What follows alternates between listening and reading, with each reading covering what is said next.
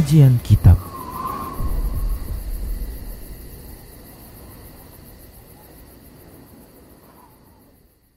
Bismillah, Assalamualaikum warahmatullahi wabarakatuh.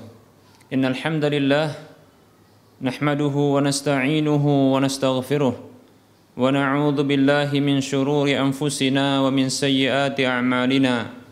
Man yahdihillah fala mudhillalah wa man yudrilhu fala hadiyalah واشهد ان لا اله الا الله وحده لا شريك له واشهد ان محمدا عبده ورسوله صلى الله عليه وسلم قال الله تبارك وتعالى يا ايها الذين امنوا اتقوا الله حق تقاته ولا تموتن الا وانتم مسلمون يا ايها الناس اتقوا ربكم الذي خلقكم من نفس واحده وخلق منها زوجها وبث منهما رجالا كثيرا ونساء واتقوا الله الذي تساءلون به والأرحام إن الله كان عليكم رقيبا.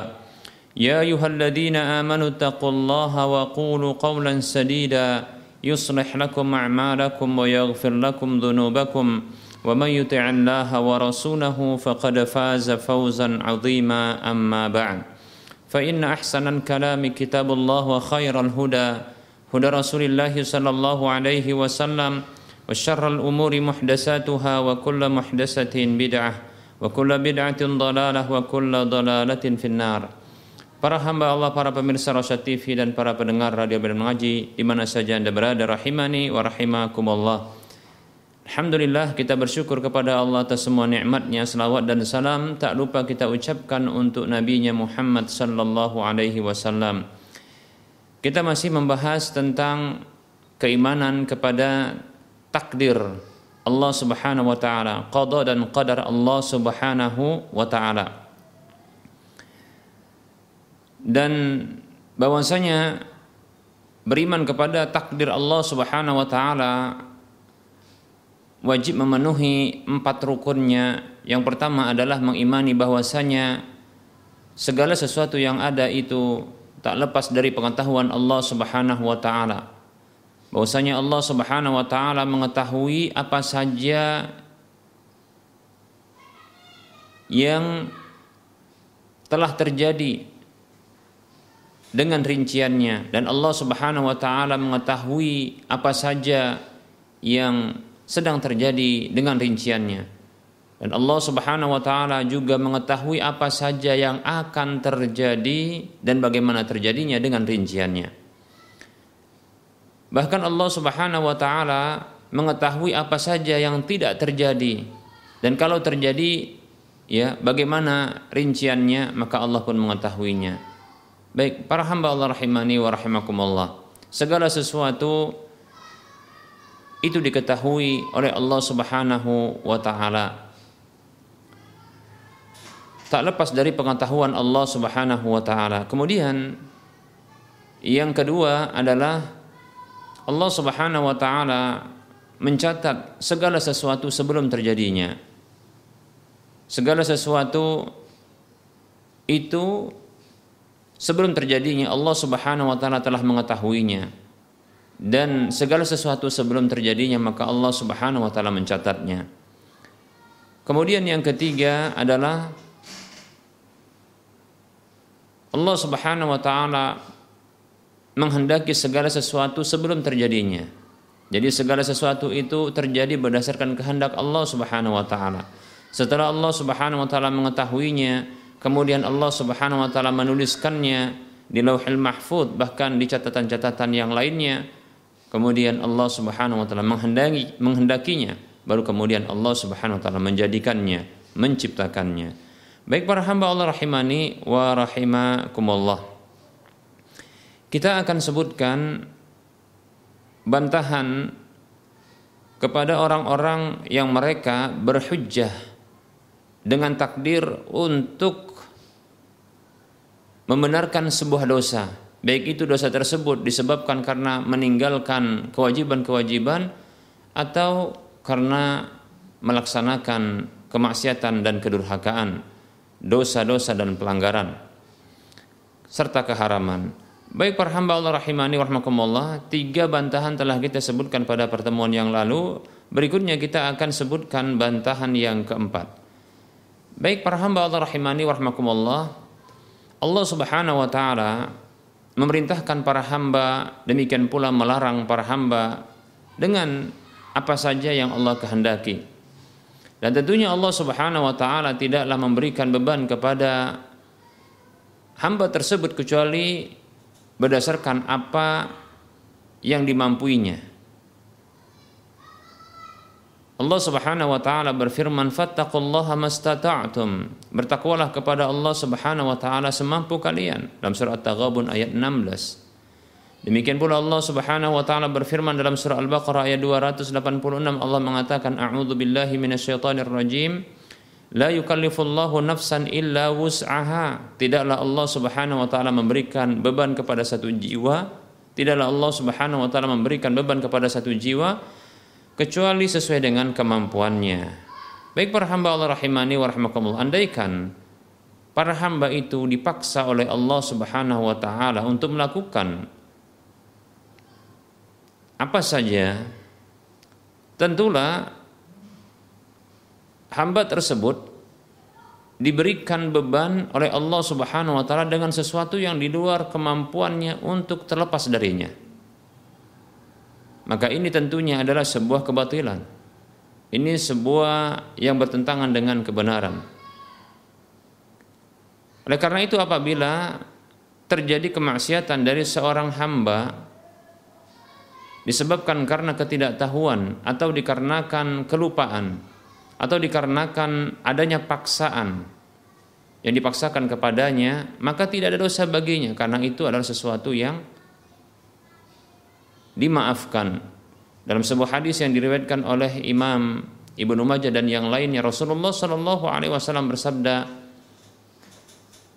Inna Allah tajawaza an ummati al khata'a Inna Allah tajawaza li an ummati al khata'a wa nisyana wa mastukrihu alaihi. Sesungguhnya Allah Subhanahu wa taala memaafkan dari umatku ini untukku kesalahan yang tidak disengaja, kelupaan dan apa saja yang dipaksakan kepada mereka. Baik para hamba Allah rahimani wa rahimakumullah. Jadi sesungguhnya berhujjah beralasan dengan takdir untuk membenarkan dosa baik itu dosanya disebabkan karena meninggalkan kewajiban-kewajiban atau meninggalkan uh, atau melaksanakan keharaman-keharaman maka ini tentunya bertentangan dengan logika ya. Dan ini merupakan kebatilan. Seperti itu para hamba Allah rahimani wa rahimakumullah. Karena sesungguhnya para hamba tidaklah dipaksa oleh Allah Subhanahu wa taala. Para hamba tidaklah seperti robot, tidaklah seperti wayang. Dan bukanlah Allah Subhanahu wa taala dalang, ya. Bagi sang wayang. Demikian para hamba Allah rahimani wa rahimakumullah. Karena apabila hamba dipaksa maka itu merupakan bentuk memberikan beban ya dengan sesuatu yang di luar kemampuan bagi hamba tersebut untuk ya terlepas darinya. Padahal Allah Subhanahu wa taala memberikan beban kepada satu jiwa ya para hamba itu sesuai dengan kemampuannya. Demikian para hamba Allah rahimani wa rahimakumullah. Kemudian bantahan yang kelima bahwasanya takdir yang telah Allah Subhanahu wa taala tetapkan itu adalah sesuatu yang rahasia dan tersembunyi yang tidak diketahui oleh para hamba kecuali setelah terjadinya sesuatu yang ditakdirkan tersebut. Dan keinginan para hamba itu adalah sesuatu ya yang telah dicatatkan oleh Allah Subhanahu wa taala dahulu. Namun keinginan hamba tersebut adalah sesuatu yang tidak diketahui oleh hamba tersebut, ya, sebelum terjadinya. Baik para hamba Allah rahimani rahimakumullah, kalaulah ada orang-orang yang mereka beralasan dengan takdir ya, untuk membenarkan dosa-dosa, baik itu disebabkan karena meninggalkan kewajiban atau karena melaksanakan sebuah keharaman, maka itu merupakan bentuk beralasan dengan sesuatu yang tidak diketahui. Ya, ini tentunya hal yang mustahil ya. Beralasan ya dalam apa saja yang tidak diketahuinya ya. Bagaimana seseorang itu bisa beralasan dengan sesuatu yang tidak diketahui oleh hamba tersebut ya untuk membenarkannya ya. Baik para hamba Allah rahimani wa rahimakumullah. Ya kita tidak mengetahui takdir yang telah ditetapkan oleh Allah Subhanahu wa taala untuk kita lalu mengapa kita ya mencondongkan diri kita untuk melakukan sebuah hal-hal yang buruk? Itu dengan cara meninggalkan kewajiban-kewajiban melaksanakan ya keharaman-keharaman ya. ini seolah-olah ia mengetahui bahwasanya dirinya akan melakukan perkara perkara yang buruk. Bahwasanya keburukan itu akan menimpa dirinya demikian ya maka ini satu yang tidak benar secara akal manusia. Baik para hamba Allah rahimani wa rahimakumullah. Berikutnya alasan yang keenam, ya, alasan yang keenam, ya. Kita dapatkan orang yang beralasan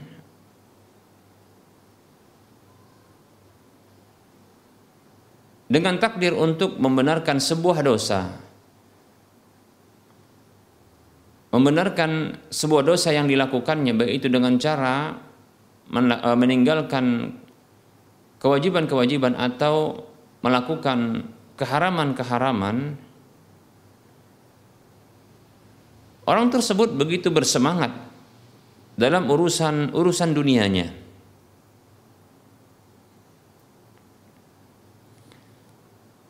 Bahkan dia berusaha untuk meraih urusan dunia tersebut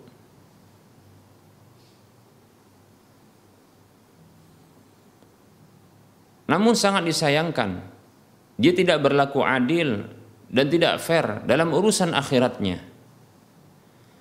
Dalam urusan agamanya, dalam urusan akhiratnya. Ya, di mana ia tidak bersemangat untuk mendapatkan manfaat dari urusan dunia dan akhiratnya bahkan menceburkan dirinya ke dalam kebinasaan dalam urusan dunia dan akhiratnya. Adapun dalam urusan dunianya dia begitu bersemangat untuk mendapatkan manfaat bagi dirinya dan menjauhi perkara-perkara yang memudaratkannya. Kita contohkan para hamba Allah rahimani wa rahimakumullah. Andaikan dihadirkan kepada dirinya dua makanan, yang pertama adalah makanan yang basi, busuk. Kemudian makanan yang kedua adalah makanan yang lezat. Yang begitu enak, bahkan aromanya menggugah selera. Dalam urusan ini, orang ini maka dia memilih untuk dirinya mengambil makanan yang lezat. Namun dia meninggalkan makanan-makanan bersama dengan itu dia meninggalkan makanan yang basi ya busuk. Karena dia berpikir bahwasanya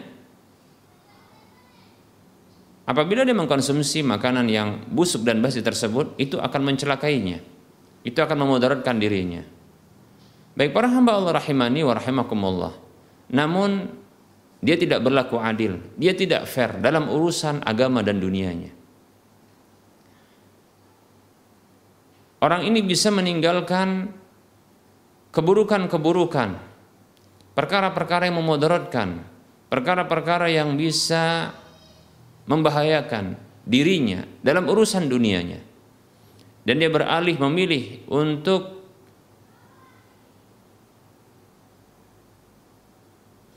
memilih untuk dirinya kebaikan-kebaikan yang akan memberikan manfaat bagi urusan dunianya. Tapi sungguh ya orang ini tidak adil bagi dirinya dalam urusan akhiratnya. Ya, dengan alasan takdir dia malah menceburkan dirinya ke dalam kebinasaan di dalam urusan-urusan akhirat dan dunianya, eh, dalam urusan akhirat dan agamanya. Malah dia meninggalkan apa saja yang bermanfaat bagi dirinya dalam urusan agama dan akhiratnya. Baik para hamba Allah rahimani warahmatullah. Ini tentunya satu hal yang tidak adil bagi dirinya. Bukankah ya, bukankah hal ini adalah sama? Bahkan mestinya orang yang beriman, para hamba Allah rahimani warahmatullah, orang yang beriman itu dia lebih prioritaskan akhiratnya agama dan akhiratnya. Mengapa demikian? Karena sesungguhnya dia meyakini kehidupan dunia ini akan berakhir. Kehidupan dunia ini ini akan sirna karena dia adalah fana. Ya. Dan akan menuju ke alam kehidupan berikutnya yaitu alam akhirat yang kekal abadi selamanya. Oleh karenanya dia lebih memilih seorang mukmin lebih memilih ya untuk mendapatkan manfaat-manfaat akhiratnya dan menjauhi perkara-perkara yang memudaratkan bagi dirinya dalam urusan akhiratnya ketimbang urusan dunianya.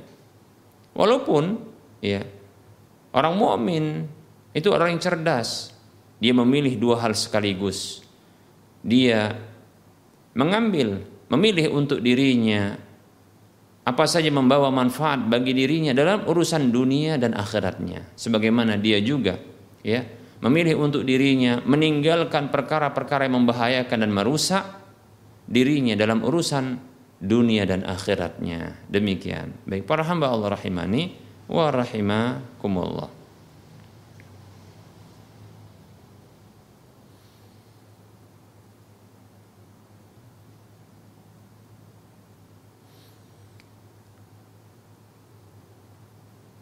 Begitu juga kita dapatkan ada orang yang dia rela ya. Ketika dia sakit tatkala dia diperintahkan untuk meminum obat yang sesungguhnya dia tak menyukainya itu, itu rasanya pahit bagi lidahnya. Bahkan mungkin itu akan menyakitinya. Namun berikutnya akan memberikan manfaat bagi dirinya. Yang dengan izin Allah Subhanahu wa taala Allah akan memberikan kesehatan bagi dirinya. Dan ia ditahan atau dilarang dari makanan-makanan yang membahayakan dan memudaratkannya. Padahal ya dia sangat menginginkannya. Dia tinggalkan hal itu ya karena satu manfaat, satu maslahat. Padahal ya dirinya sangat menginginkannya. Baik para hamba Allah rahimani wa rahimakumullah. Itu tentunya dilakukan untuk mendapatkan kesembuhan ya dan keselamatan tentunya. Dan tidak akan didapatkan hal seperti itu kecuali dengan mengikuti petunjuk demikian. Karena itu petunjuk dari ahlinya. Ya. Minum obat, menghindari ya makan makanan yang dipantangkan, ya, yang merupakan pantangan bagi penyakit tersebut yang bisa memudaratkannya dan menambah penyakitnya, ya. Dan sungguh aneh Orang yang berhujjah atau yang beralasan dengan takdir untuk membenarkan dosa yang dilakukannya dengan cara meninggalkan perintah-perintah, kewajiban-kewajiban dan dengan cara melaksanakan pelanggaran-pelanggaran dan keharaman-keharaman. Dia berhujjah berdalilkan dengan takdir untuk meninggalkan apa saja yang memberikan manfaat bagi dirinya dalam urusan bahkan bukan hanya urusan akhiratnya, di urusan dunianya. Bahkan malah dia melakukan sesuatu atau atau apa saja yang ini akan memberikan kemudaratan dan kecelakaan bagi dirinya. Dalam urusan dunianya juga demikian pula dalam urusan akhiratnya. Demikian para hamba Allah rahimani wa rahimakumullah. Nah, ini tentunya hal yang kita katakan tidak fair ya, tidak adil ya. Ini menunjukkan kekurangan imannya dan itu menunjukkan bagaimana syaitan telah menghiasi ya pola pikirnya bagi dirinya sehingga itu merasa dia benar dengan dalih tersebut. Baik para hamba Allah rahimani wa rahimakumullah. Yang terakhir kita akan sebutkan bantahan yang terakhir bahwa orang yang berdalilkan atau beralasan dengan takdir untuk meninggalkan apa saja yang telah diwajibkan oleh Allah Subhanahu wa taala dan melaksanakan apa saja yang diharamkan oleh Allah Subhanahu wa taala. Jadi ini merupakan satu hal yang aneh bagi orang tersebut. Orang yang berhujjah atau berdalilkan atau yang beralasan dengan takdir tersebut untuk membenarkan dosa. Anehnya apabila orang tersebut akan dizalimi atau sedang dizalimi oleh orang lain dengan cara diambil hartanya atau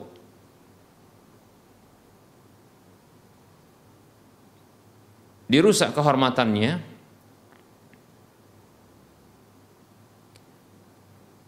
atau hendak mendolimi fisiknya. Lalu orang yang mendolimi tersebut dia berhujjah dengan takdir. Nah tentunya orang yang berdalil atau beralasan dengan takdir tersebut dia tidak akan benarkan. Ada seorang pencuri yang mencuri hartanya. Atau ada seseorang yang merampas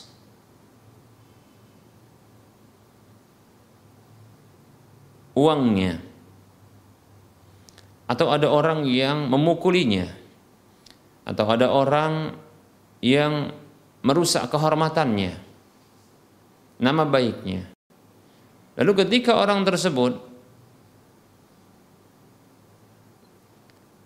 hendak ditindak oleh pihak yang berwenang Orang yang melakukan kezaliman itu dia memberikan alasan dengan alasan takdir. Bahwasanya apa yang dilakukan hal ini apa yang dilakukannya ini ini merupakan bentuk takdir Allah Subhanahu wa taala. Ya.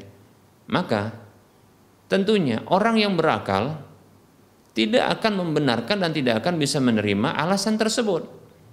Ya maka jika demikian bagaimana bisa dibenarkan dan bisa diterima beralasan dengan takdir ya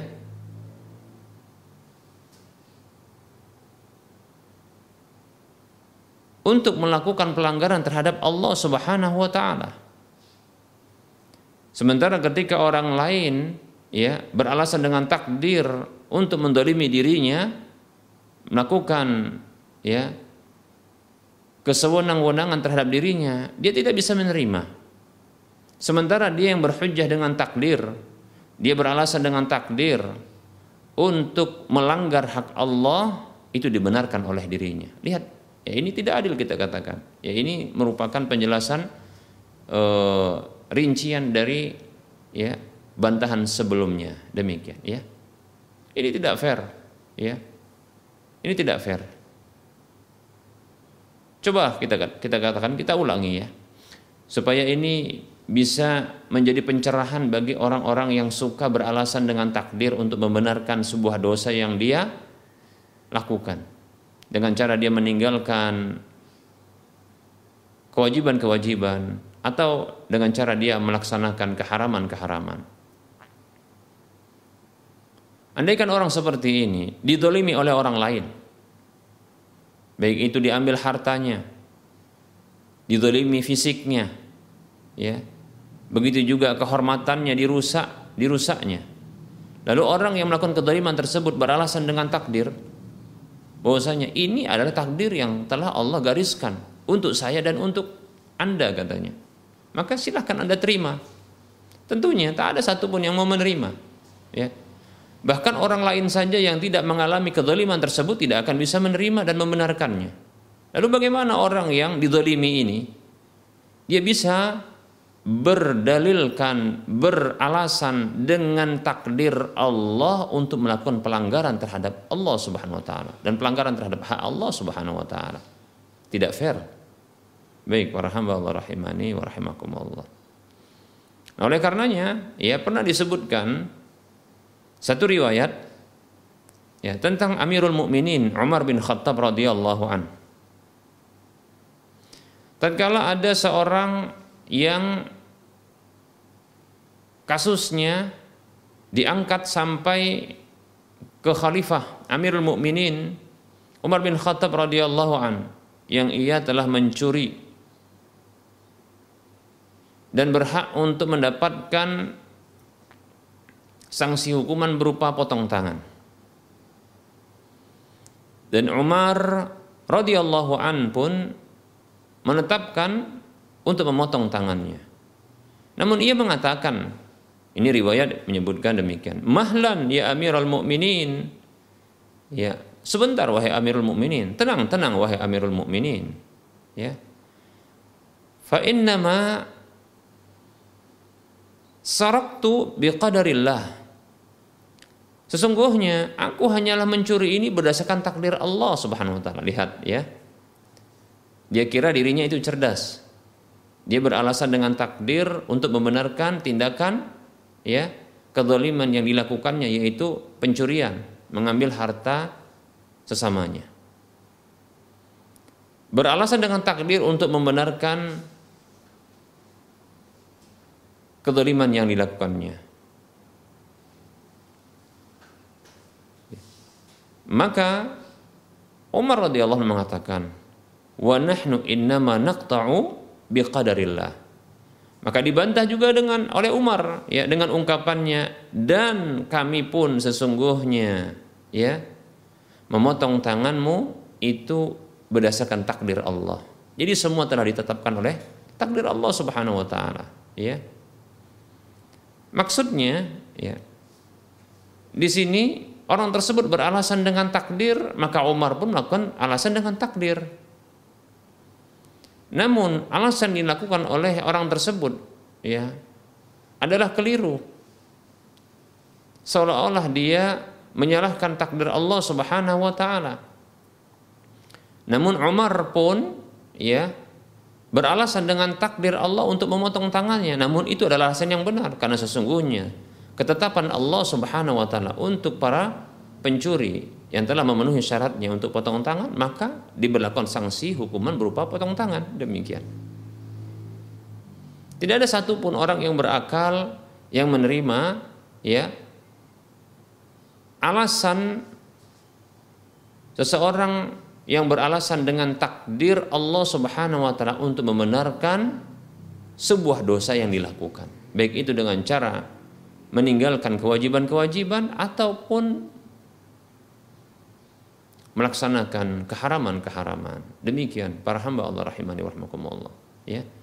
Baik itu dalam urusan dunia maupun dalam urusan akhiratnya. Ya. Maka tak layak seseorang itu beralasan dengan takdir ya untuk melakukan dosa dengan cara melaksanakan keharaman-keharaman atau meninggalkan kewajiban-kewajiban. Sementara dia menolak. Alasan orang lain yang beralasan dengan takdir ketika melakukan kedoliman kepada dirinya dan orang lain. Demikian. Para hamba Allah rahimani wa rahimakumullah.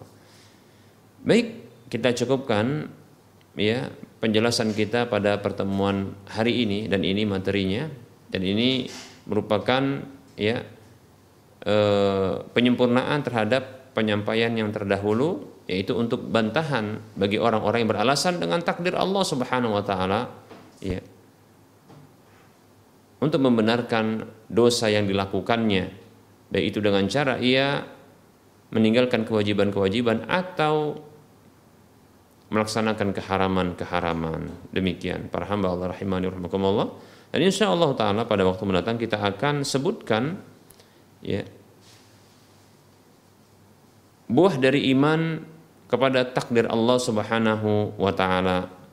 Dan juga kita akan sebutkan insya Allah taala pada waktu mendatang dua kelompok yang menyimpang di dalam keimanan kepada takdir Allah Subhanahu wa taala beserta dengan bantahan ya bagi mereka. Wallahu taala a'lam. Kita lanjutkan berikutnya dengan sesi soal jawab.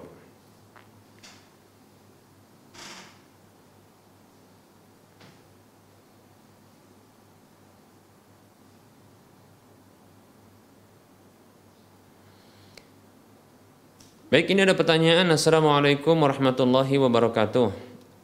Afan Ustaz, saya izin bertanya, apa saja sunnah yang harus kita lakukan setelah bayi lahir?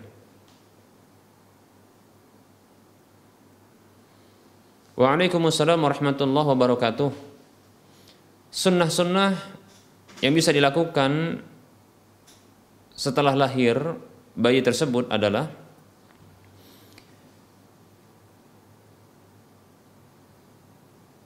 hendaknya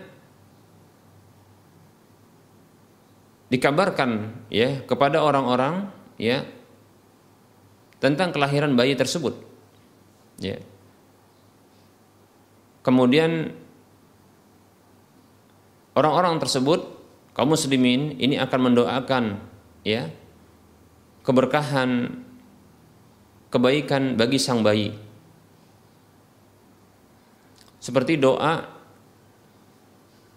yang pernah disebutkan dalam satu riwayat namun diperdebatkan oleh para ulama tentang kesahihannya yaitu doa barakallahu laka fil mauhubi laka wa syakartal wahiba wa balagha asyudda wa ruzikta birrah. Ya ini terjadi perdebatan pendapat di kalangan para ulama apakah ini riwayatnya? Ya sahih atau tidak? Demikian. Namun menurut satu pendapat ini riwayatnya sahih. Atau doa yang semisal yang sahih dari Nabi SAW itu doa keberkahan Kemudian doakan bayi tersebut baik itu oleh orang tua ya ataupun mungkin wali dari sang bayi itu ya. Didoakan perlindungan kepada Allah Subhanahu wa taala agar tidak terkena gangguan syaitan atau tidak terkena penyakit ain atau tidak terkena sengatan binatang berbisa ya. Sebagaimana Rasulullah SAW itu pernah mendoakan Hasan dan Husain dengan doa wa'idzukum bi kalimatillahi tammati min kulli syaitanin wa hammatin wa min kulli ainin lammah. Aku kata kata Rasulullah SAW yang memohon perlindungan untuk kalian berdua ya dengan firman-firman Allah Subhanahu wa taala yang maha sempurna dari keburukan syaitan setiap syaitan dan dari binatang berbisa serta dari pandangan mata yang jahat. Ya demikian. Seperti itu. Itu penyakit ain.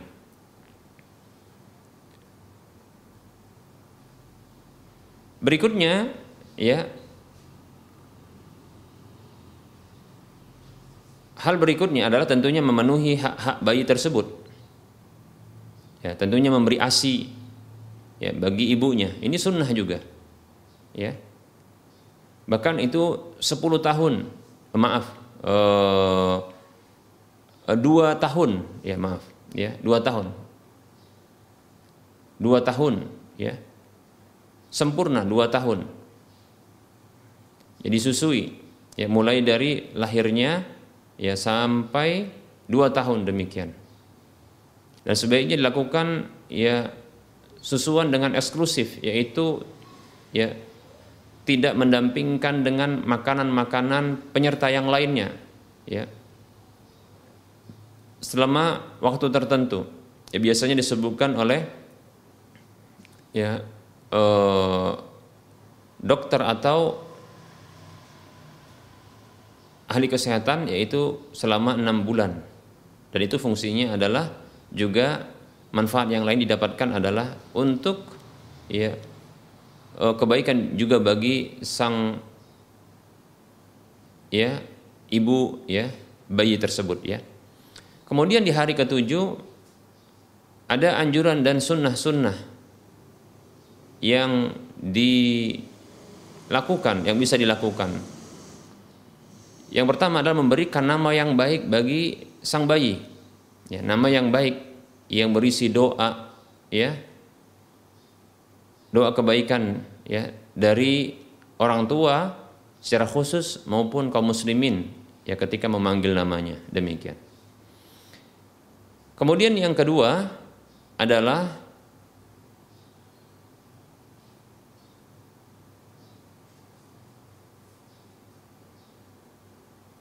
berakikah yaitu mengakikahinya. Apabila bayi itu adalah laki-laki maka dua kambing. Kalau perempuan maka satu kambing demikian. Kemudian mencukur, mencukur rambutnya, lalu menimbangnya. Lalu nanti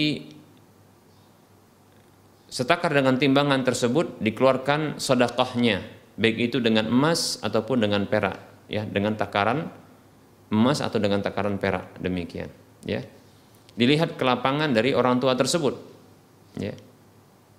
Apabila lapang maka silahkan ya bersedekah dengan emas di selinai emas. Apabila contoh rambut yang dicukur kemudian ditimbang itu ternyata adalah kita katakan setengah gram ya maka silahkan bersedekah dengan setengah gram emas atau senilai dengan itu.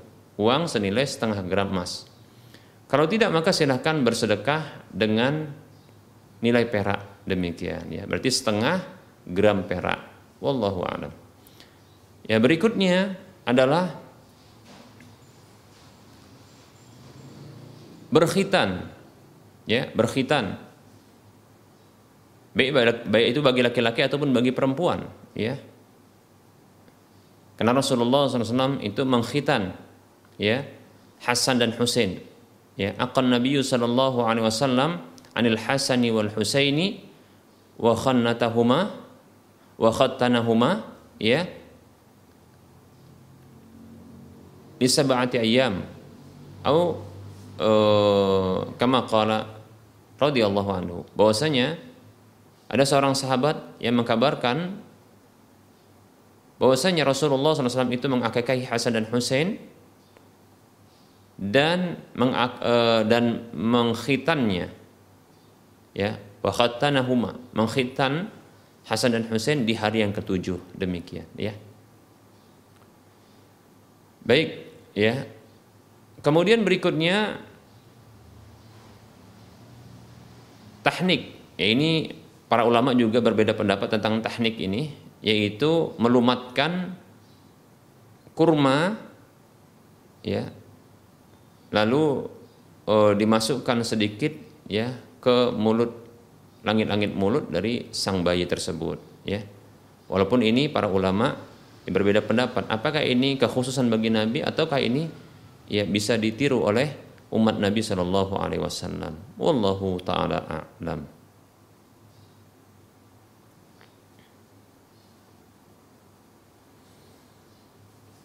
Berikutnya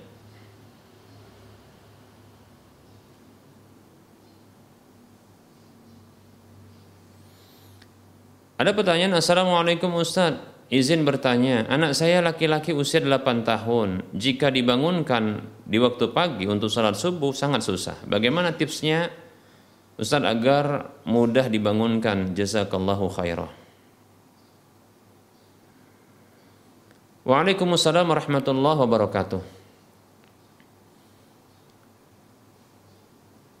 tips yang bisa diberikan kepada anak-anak agar mereka termotivasi untuk melakukan kesolehan-kesolehan adalah memberikan motivasi dengan hadiah. Ya tentunya ini peran serta orang tua di sini harus dilibatkan. Ya. Berikan motivasi. Baik itu yang sifatnya ukhrawi ataupun yang bersifat duniawi. Ini motivasi. Dua motivasi ini sangat besar pengaruhnya bagi anak. Yang pertama adalah motivasi tentang ukhrawi. Ya. Ya tentunya ini sebelumnya diiringi dengan uh, penyampaian orang tua kepada anak tentang balasan-balasan kebaikan, iman kepada Allah, iman kepada malaikat-malaikat, iman kepada kitab-kitab, iman kepada rasul-rasul, iman kepada hari kiamat dan balasan dari kebaikan-kebaikan. Begitu juga iman kepada takdir, qada dan qadar, ya. Namun ini memang sulit bagi mereka. Maka bisa ceritakan tentang surga dan neraka, ya. Atau menyebutkan tentang kebaikan-kebaikan Allah Subhanahu wa taala bagi orang-orang yang taat. Nah, seperti itu, ya. Menceritakan tentang surga dan neraka, ya. Nah, balasan kebaikan adalah surga, balasan keburukan adalah neraka. Ini perlu disampaikan kepada anak-anak. Ya. Agar mereka tergugah dan terbentuk keimanan di dalam diri mereka. Nah, setelah itu baru motivasi, ya. Untuk melakukan ketaatan-ketaatan secara khusus. Tadi motivasi sifatnya umum, ya. Ini masih bicara tentang motivasi ukhrawi yang bersifat akhirat, ya. Jadi pertama sekali adalah berikan pendidikan keimanan kepada mereka, penyampaian-penyampaian tentang pendidikan keimanan. Beriman dengan surga dan neraka, beriman tentang ya kemahabaikan Allah Subhanahu wa taala, sifat-sifat Allah yang maha baik, ya, seperti itu. Ceritakan itu kepada anak-anak, ya. Ini akan membentuk keimanan mereka dalam diri mereka. Kemudian tahapan berikutnya ini juga masih berbicara tentang ya motivasi ukhrawi atau motivasi akhirat. Pertama tadi secara umum, kemudian yang kedua adalah secara khusus peramal, peramal ibadah yang diinginkan. Salat subuh. Seperti contohnya bicara tentang apa?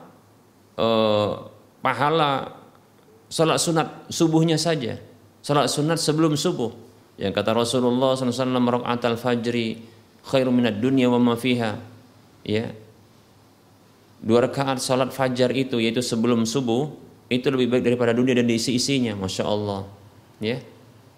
Apalagi salat subuhnya kan begitu. Apalagi ditambahkan salat subuh berjamaah itu seperti salat ya malam semalam suntuk. Nah, itu disampaikan juga kepada anak. Ini besar sekali pahalanya, ya. Nah, si anak ini akan termotivasi, ya. Baik, ini motivasi yang bersifat ukhrawi. Pada titik ini, kalau seandainya seorang anak ini mampu, ya, untuk melakukan ketaatan-ketaatan dengan sendirinya dan itu menjadi motivasi bagi dirinya, ini luar biasa, bagus sekali. Namun apabila masih kendor juga, namanya juga anak-anak. Jangankan anak-anak, kita saja kadang demikian, ya Nah, berikutnya baru kita masuki motivasi dunia, duniawi. Apa itu? Ya contohnya iming-iming sebagaimana Allah Subhanahu wa taala memberikan iming-iming kepada para hambanya untuk melakukan ketaatan-ketaatan, ya maka kita juga berikan iming-iming kepada anak-anak ya yang melakukan ketaatan-ketaatan. Nah, kalau kamu sholat subuh bangunnya cepat ya nanti ya mama, umi, bunda akan beri hadiah ini dan itu. Seperti itu. Es krim, ya, atau dimasak dimasakkan masakan kesuka, kesukaannya, begitu bisa, ya. Nah. Atau ketika membangunkannya adalah dengan cara mengelus kepalanya, mencium keningnya, sembari mengatakan, "Nah, bangun." Ya salat subuh ya nak bangun salat subuh tuh udah dipanggil ya adzan demikian seperti itu ya nah ini bisa kita lakukan. Ya. Demikian. Nah, kalau susah juga, maka bisa kita ya kita bangunkan dengan membantunya bangun, ya. Dengan membantunya untuk bangun, seperti mengangkat tubuhnya, ya, menegakkannya untuk berdiri, tapi pastikan dia dalam kondisi sadar, ya. Kemudian arahkan ke kamar mandi. Nah, seperti itu, ya.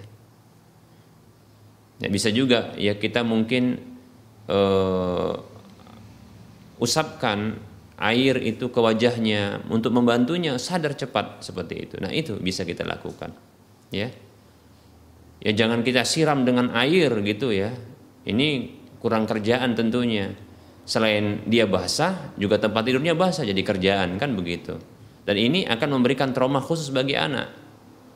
Ya atau dengan cara dipukul yang pukulan itu sampai mengagetkannya masya Allah ya kita berlindung dari sikap-sikap kasar kepada anak-anak kita semoga Allah swt ya memberikan kepada kita ya metode terbaik di dalam mendidik anak amin ya rabbal alamin ya wallahu taala alam baik barangkali ini yang bisa kita sampaikan ya karena waktu sholat duhur untuk wilayah Medan dan sekitarnya telah masuk dan tentunya dalam penyampaian ini ada kesalahan dan kekurangan serta kekeliruan.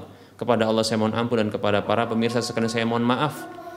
Seperti biasa sebelum ya kita mengakhiri kajian ini kita motivasi bagi kaum muslimin untuk berdonasi memiliki aset akhirat yang akan mengalir pahala kepada kita ya. Setelah kita wafat maupun sebelum kita wafat ketika kita masih hidup akan mengalir pahala kepada kita. Silakan donasikan, infakkan, ya, sedekahkan harta Anda dengan sedekah jariah yang terus akan mengalir pahalanya untuk membebaskan lahan yang nantinya akan dibangun Masjid Al-Muwahhidin untuk wilayah Medan dan sekitarnya. Silakan ke Bank Syariah Mandiri atau Bank Syariah Indonesia, salurkan ke Bank Syariah Mandiri atau Bank Syariah Indonesia di nomor 7127485555. Saya ulangi. Ya, Bank Syariah Mandiri atau Bank Syariah Indonesia di nomor 7127 455555 atas nama Yayasan Lajnah Dakwah Medan kode bank 451 semoga Anda termotivasi dan semoga bermanfaat. Wassalamualaikum ala Muhammad wa ala alihi wa ashabihi ajma'in subhanakallahumma wa bihamdika asyhadu an la ilaha illa anta astaghfiruka wa atubu ilaika walhamdulillahi rabbil alamin. Wassalamu alaikum warahmatullahi wabarakatuh